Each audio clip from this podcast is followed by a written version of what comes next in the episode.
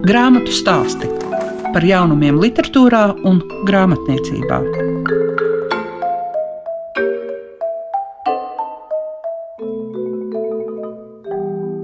Esiet sveicināti visi tie, kas klausās grāmatu stāstus.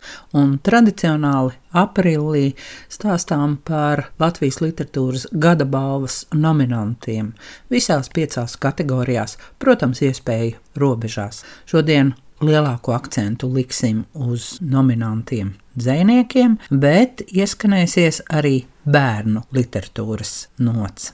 Un tā šīs dienas raidījumā dzirdēsiet Henriku Eliasu Zēgneru. Viņa dzējoļu krājums Paradīze ir nominantu skaitā. Tāpat arī Ruta Štelmahere ar dzējoļu krājumu Kalps. Savukārt bērnu literatūru pārstāvēs Luīze Pastore ar savu pusauģiem domāto grāmatu Laimes bērni. Bet vispirms saruna ar šī gada Latvijas literatūras gada balvas vienu no ekspertiem. Cik dzīsks ir aizvadītais gads latviešu literatūrā, ja skatās tieši no tām pozīcijām, kas ir Latvijas literatūras gada balva? To jautājumu es uzdodu Lianai Langai, kur arī bija to atbildīgo cilvēku vidū, kuriem bija jāizvērtē aizvadītais gads. Jāsaka, ka dzējā, manuprāt, ikgada konkurence tiešām ir ļoti liela. Ir pat banāli atkārtot šo frāzi, jo neapšaubām mēs esam poēta tauta. Un es ļoti ceru, ka tāda arī paliksim un saglabāsim savu valodu. Un, uh, bija grūti izšķirties, izšķīrāmies tātad pa četriem dzīvoļu krājumiem, kurus tagad uh, nu, ļoti īsi raksturoši, kāpēc man tie šķita ievērojami, vērtīgi un paliekoši. Ines Zandera mantojumi. Ines Zandera ir mūsu dzīslas klasiķe. Pārsvarā šajā krājumā rakstītie dzīvoļi ir verlibrā, bet viņu vislielākā vērtība ir ļoti daudzās atsauces kultūras mantojumā, vēsturē un viņas pašas personīgajā pieredzē, veidojot ar šo mantojumu nu, ļoti ciešas, poetiskas un patiesas attiecības. Šis krājums ir saviņojošs, dziļš un ļauj arī priecāties un svinēt mums savu valodu. Ruta Štelmachera kalps. Šis krājums mani iepriecināja ar profesionālismu arī tajā ziņā, ka tajā Ruta Štelmachera rāda savu profesionālo māku un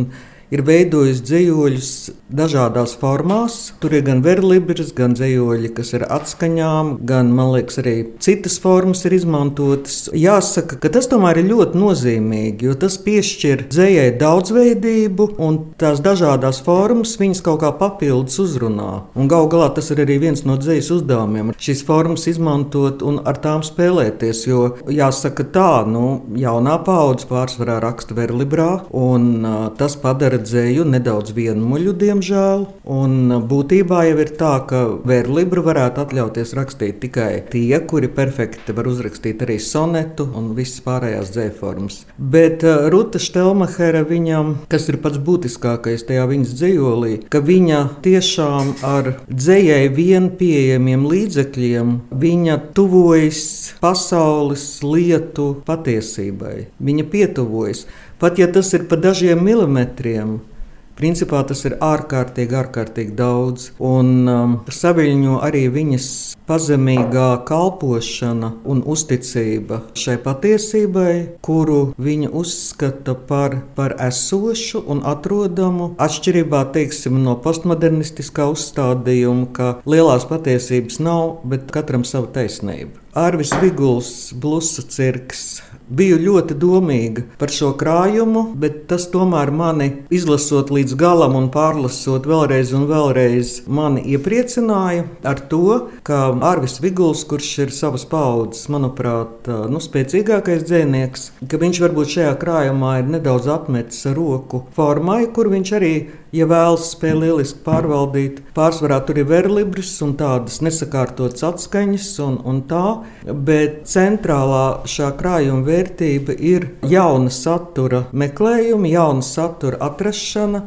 Un jaunu, pavisam jaunu, vēl Latvijas dzīslā nebijuši dažādu tēmu apstrāde. Viņš šajā krājumā, kā man šķiet, no jauna cenšas paskatīties uz cilvēku. Viņš nelūkojas uz cilvēku kā uz radības kroni, bet ieliek cilvēku kādās citās koordinātās, un tas ir ļoti interesanti. Un tādā ziņā, satura ziņā, es uzskatu šo krājumu par tādu novatorisku un tādēļ ļoti vērtīgu pienesumu latviešu dzīslas ainavā. Un Henrika Elijas Zēgnera paradīze ir gaiša, sirsnīga, saviņojoša dzēja, kuru lielā mērā portretē viņa paudze. Viņa ir tāda mīlestības un romantisma caurstrāvota, bagātīga ar dažādiem vērojumiem atspoguļo mūsu laiku, un brīžam varbūt pat pozitīvā nozīmē sentimentāla. Bet es domāju, ka arī tas mums ir vajadzīgs saglabāt šo silto cilvēciskumu un būtībā nu, tādu cerību. Man ir jautājums saistībā ar Arvu Vigulu. Viņš tiek uh, nominēts divās kategorijās, arī šajā atzējā. Noraksturot to, viņš papildina sevi ar to, ka viņš gan raksta dzēju, gan atzējo. Es domāju, ka pilnīgi noteikti, un Draga Moščenko elēģija gadījumā Viguls demonstrē, nu, jāsaka, spožu atzējotāju meistarību. Tas nozīmē, ka viņš ir arī pats spožs dzēnieks, un viņš ir radījis konģeniālu atzējas krājumu, kas man, man pašai bija ļoti liels atklājums, jo man šis dzēnieks 80. gadu dzēnieks bija man neizprotamā veidā paslīdējis garām, tāpēc man personīgi tas bija ļoti liels atklājums. Bilingvā jau var salīdzināt krievu un latviešu tekstu un pārliecināties par to, ka labāk jau vairs nav iespējams. No nu, apmēram tā. Un es domāju, ka Viguls noteikti, noteikti ir ieguvējis. Un es domāju arī, ka šis krievu dzēnieks viņam ir tuvs, jo arī atgriežoties pie viņa blusu cirka, tagad, kad es atskatos un atceros savas sajūtas, lasot blusu cirku, tur ir tik dziļš tāda poēta eksistenciāls izmisums, ka man liekas, ka arī Viguls, tāpat kā vēl kaut kādi cilvēki, nu, mēs jutām, ka karš tuvojas. Tas arī blūzs ir atspoguļojis. Un otrs tāds pats piemērs mums ir arī Nēza Zandera, kur savukārt ir gan dzējā, gan bērnu. Kāds varbūt par to ir komentārs? Divas salmas, Ines Zanderas divas salmas ir sacerējums, kuru nu, es iesaku izlasīt arī visiem pieaugušajiem. Tas ir vienkārši absolūti brīnišķīgs darbs. Es nelasu pārsvarā bērnu literatūru, bet man viņš tiešām saviņoja, jo tajā viņa ļoti godīgi pieradina bērnu domāt un pierast arī pie lielām tādām eksistenciālām lietām. Pietuvo bērnu arī vēlēnām, teiksim tā, bet dara to ārkārtīgi smalki, ārkārtīgi smalkjūtīgi, tiešām ļoti jūtīgi un ļoti augstā rakstnieciskā kvalitātē. Grāmatu stāsti programmā Klasika.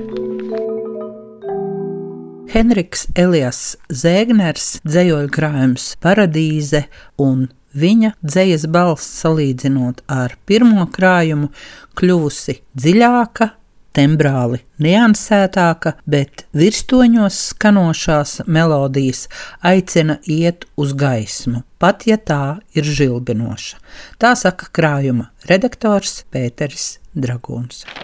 Cik dzīsks ir tagad noskaņojums pirms Latvijas finiša, kad 1. maijā visi publiski zinās? Ne cik šobrīd domas ir pilnīgi kaut kur citur. Es teikšu, godīgi. Viss laiks, kas tiek pavadīts domājot tiek pavadīts domājot par, par Ukrajinu. Tā kā tā dzēja ir šobrīd eh, aizvirzījusies citā plānā. Bet, ja palūkojas uz to savu krājumu, cik ilga laika, kā saka, apkopojums, emocijas, tās sajūtas ir? Faktiski sanāk, ka tie ir astoņi gadi kopš pirmās grāmatas, kas ir diezgan ilgs posms. Skaidrs, ka nav tā, ka astoņus gadus es par viņu domāju katru dienu, bet nu, kopumā jau tas iezīmē jā, tādu vismaz pēdējo sešu gadu posmu noteikti, kas ir visnotaļ ilgs ilgs laiks ar dažādām pārmaiņām dzīvē. Tas, tas periods ir plašs. Bet kā ir svarīgāk rakstīt dzējoļus, vai tos arī pēc tam izdot? Jo tad atkal jāmeklē citi tie spēles noteikumi, formas ziņā. Jā, tās ir divas dažādas lietas patiesībā. Tie ir divi pilnīgi dažādi procesi. Jo šīs grāmatas sakarā noteikti var teikt, ka man tā dzējoļu rakstīšana ir bijusi tāds tiešām emocionāli intensīvs daudzējādā ziņā terapeitisks un absolūti tāds personīgs process, kas ietiec tajā teritorijā, kam nav sakara obligāti piemēram ar sociālu dzīvi, vai ne? Bet tā izdošana un visas šīs lietas, tā ir savukārt spēlēšana cilvēkos, tā ir domāšana citā plāksnē. Tas nošķīrums ir diezgan liels. Un kas pašam svarīgāks? Tā pirmā daļa. Tā pirmā daļa. Ir, ir, ir grūti tā salīdzināt. Nu, abas ir svarīgas, bet tā pirmā noteikti ir vērtīgāka man kā cilvēkam. Es pieļauju, jā, pašam pašam sev. Tad, ja īsumā pašam jāraksturo, par ko ir dzīvojuma krājums? Īsumā es teiktu, ka viņš ir par mīlestību. Patiesībā šajā gadījumā diezgan tieši, mazliet plašāk droši vien par eh, attiecībām ar cilvēkiem. Ļoti konkrēti, emocionāli un personīgi šajā gadījumā izvairoties no teiksim, abstrakcijām vai lielām intelektuālām konstrukcijām par attiecībām ar cilvēkiem, ar tuviem cilvēkiem, kaut kādos brīžos vienkārši par attiecībām ar sabiedrību, par par savu vietu tajā, bet, eh, bet jā, par cilvēcisko kontaktu. Vai nav tā, ka tās ir atbildes pašam uz saviem jautājumiem, un kad nav nemaz svarīgi, ko cits par to domā? Droši vien, tad savukārt jāmēģina saprast, kas ir pašam savi jautājumi. Kādreiz ir tā, ka tev ir teiksim, dvēseles nemieris, un tu nespēji atbildēt. Tad, ja tu to jautājumu noformulē, tad tu nu, nomierinies. Jā, es teiktu, ka tas kaut kāds grāmatas kodols manā izpratnē ir ļoti jocīgi. Tas gandrīz vai pieskaras kaut kam tādam, pret ko man ir liela pretreakcija, respektīvi, gandrīz kaut kādai pašpalīdzībai, kas ir diezgan sačakarēts termins. Bet pēc idejas daļa no dzējuļiem, kas varbūt ir būtiskākie, jā, ir mēģinājumi pateikt pašam sev kaut ko brīdī, kad to vajag dzirdēt. Tā ir vispār viena no domām, kas man grāmatas jau sastādīšanas periodā bija aktuāla. Par to, kas ir tā grāmata, ko es gribu uztaisīt. Un es nonācu pie secinājuma, ka es gribu uztaisīt grāmatu, kuras man pasaulē pietrūkst. Un iespējams, ka to var attiecināt vispār uz eh, radīšanas procesu un mākslu, ka mēs mēģinām ielikt to puzles gabaliņu kas mums pašiem trūkst un ko mums tieši vajag. Jā, tas noteikti ir tāds ceļš, kas parādījās vienā brīdī. Vai es varu palūgt arī kādu dzējoli?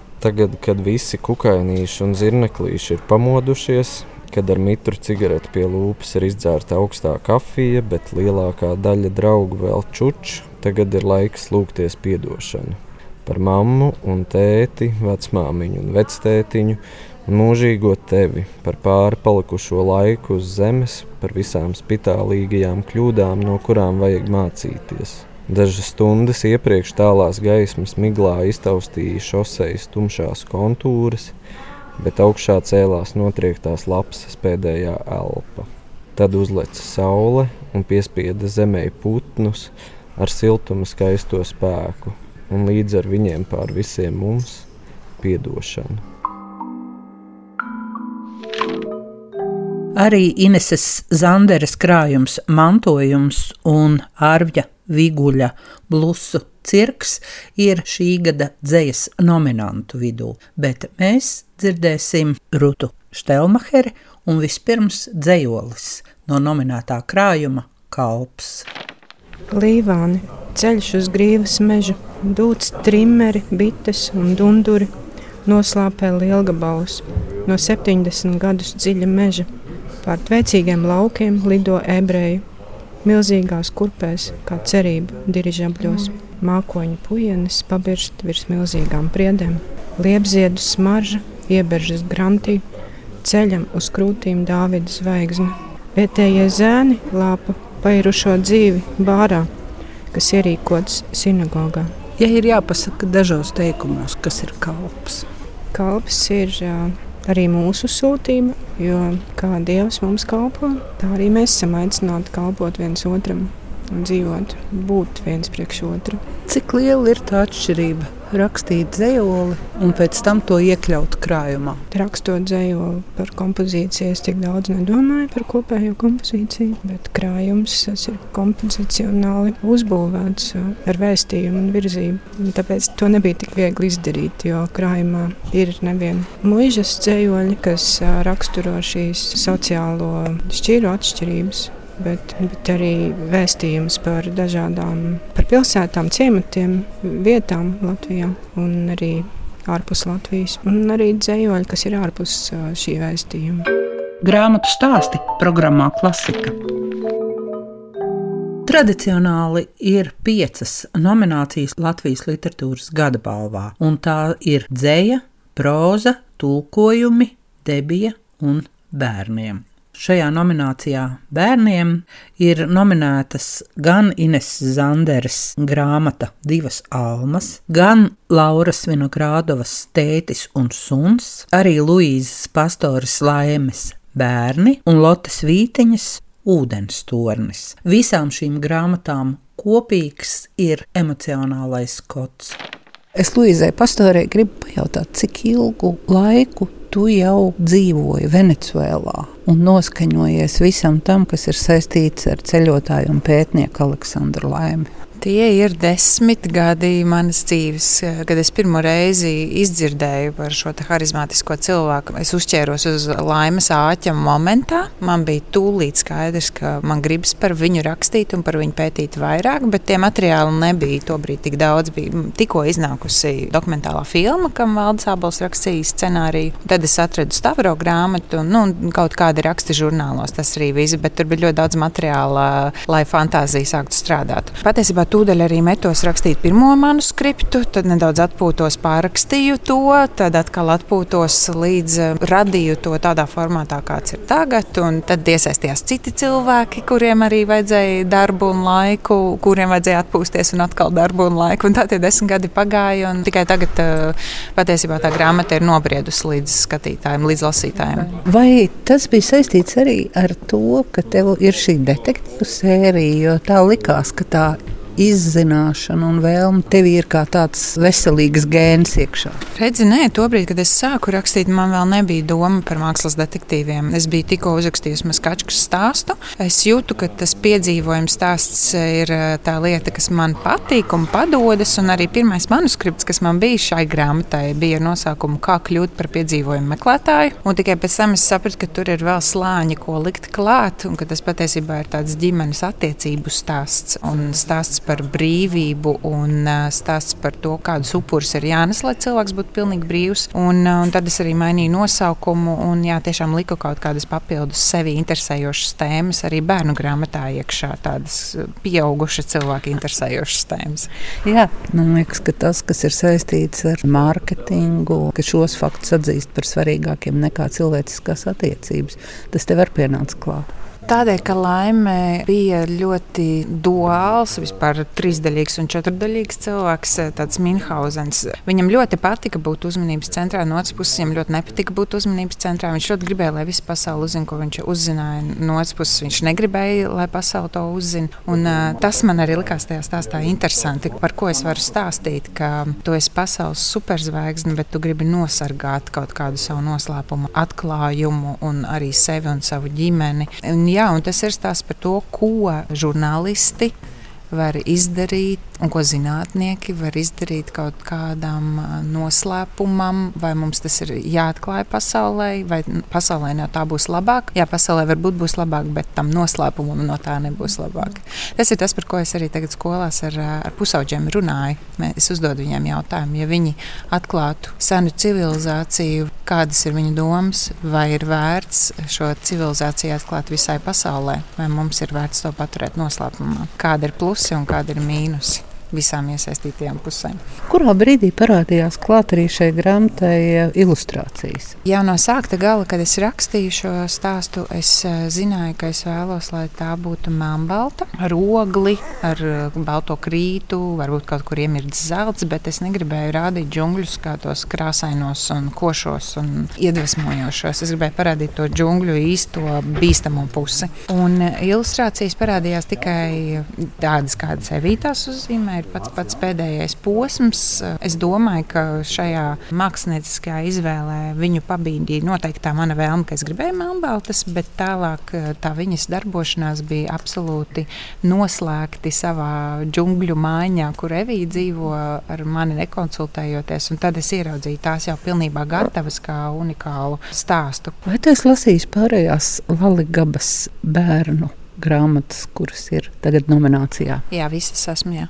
Un kādas tev tās šķiet? Man liekas, unikāla Lotus Vilmas Vītiņas uh, ūdens tornis. Mēs nezinājām, ka mums tādu grāmatu vajag, un tad Lotte atnāca un parādīja, ka mums tādu grāmatu vajag. Un maniem bērniem savukārt ļoti patīk uh, divas almas. Droši vien tādēļ, ka ir tas vecums, ka interesē nāve un kā mēs par to varam runāt, un ko tas nozīmē, un ko nozīmē nomiris putniņš mājas priekšā, un ko nozīmē mūsu mirusī vecmāmiņa. Tie ir svarīgi jautājumi, ko Zandera risina. Un Laura Svinogrādovas Tētis un suns. Mēs arī esam lasījuši. Arī bērniem patika, jo mums mājās ir suns. Tavi bērni, viņi vēl ir pietiekami mm -hmm. mazi, vai viņi ir izlasījuši šo tavu grāmatu? Nē, nē protams, ka nē. Un arī tu viņiem priekšā nē. nē, nē, ir jāsaprot, ka katrai grāmatai ir savs lasītājs. Nevajag uzspiest mazajiem to, kam viņi vēl nav gatavi izskan grāmatu stāsti. Šīs dienas raidījumā jūs varējāt dzirdēt Henriku Eliasu Zēgneru.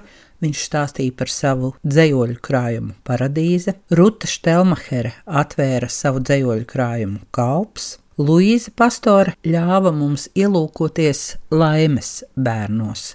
Tāpat arī dzirdējāt vienu no šī gada Latvijas ekspertēm, dzēnieci Liānu Langu. Kopā ar jums bija Liega Piešiņa, un 1. maijā jau uzzināsim, kuri tad ir kļuvuši par šī gada balvas laureātiem. Grāmatu stāsti par jaunumiem literatūrā un grāmatniecībā ik trešdienu, 9.5. ar atkārtojumu Svētdien, 18.15.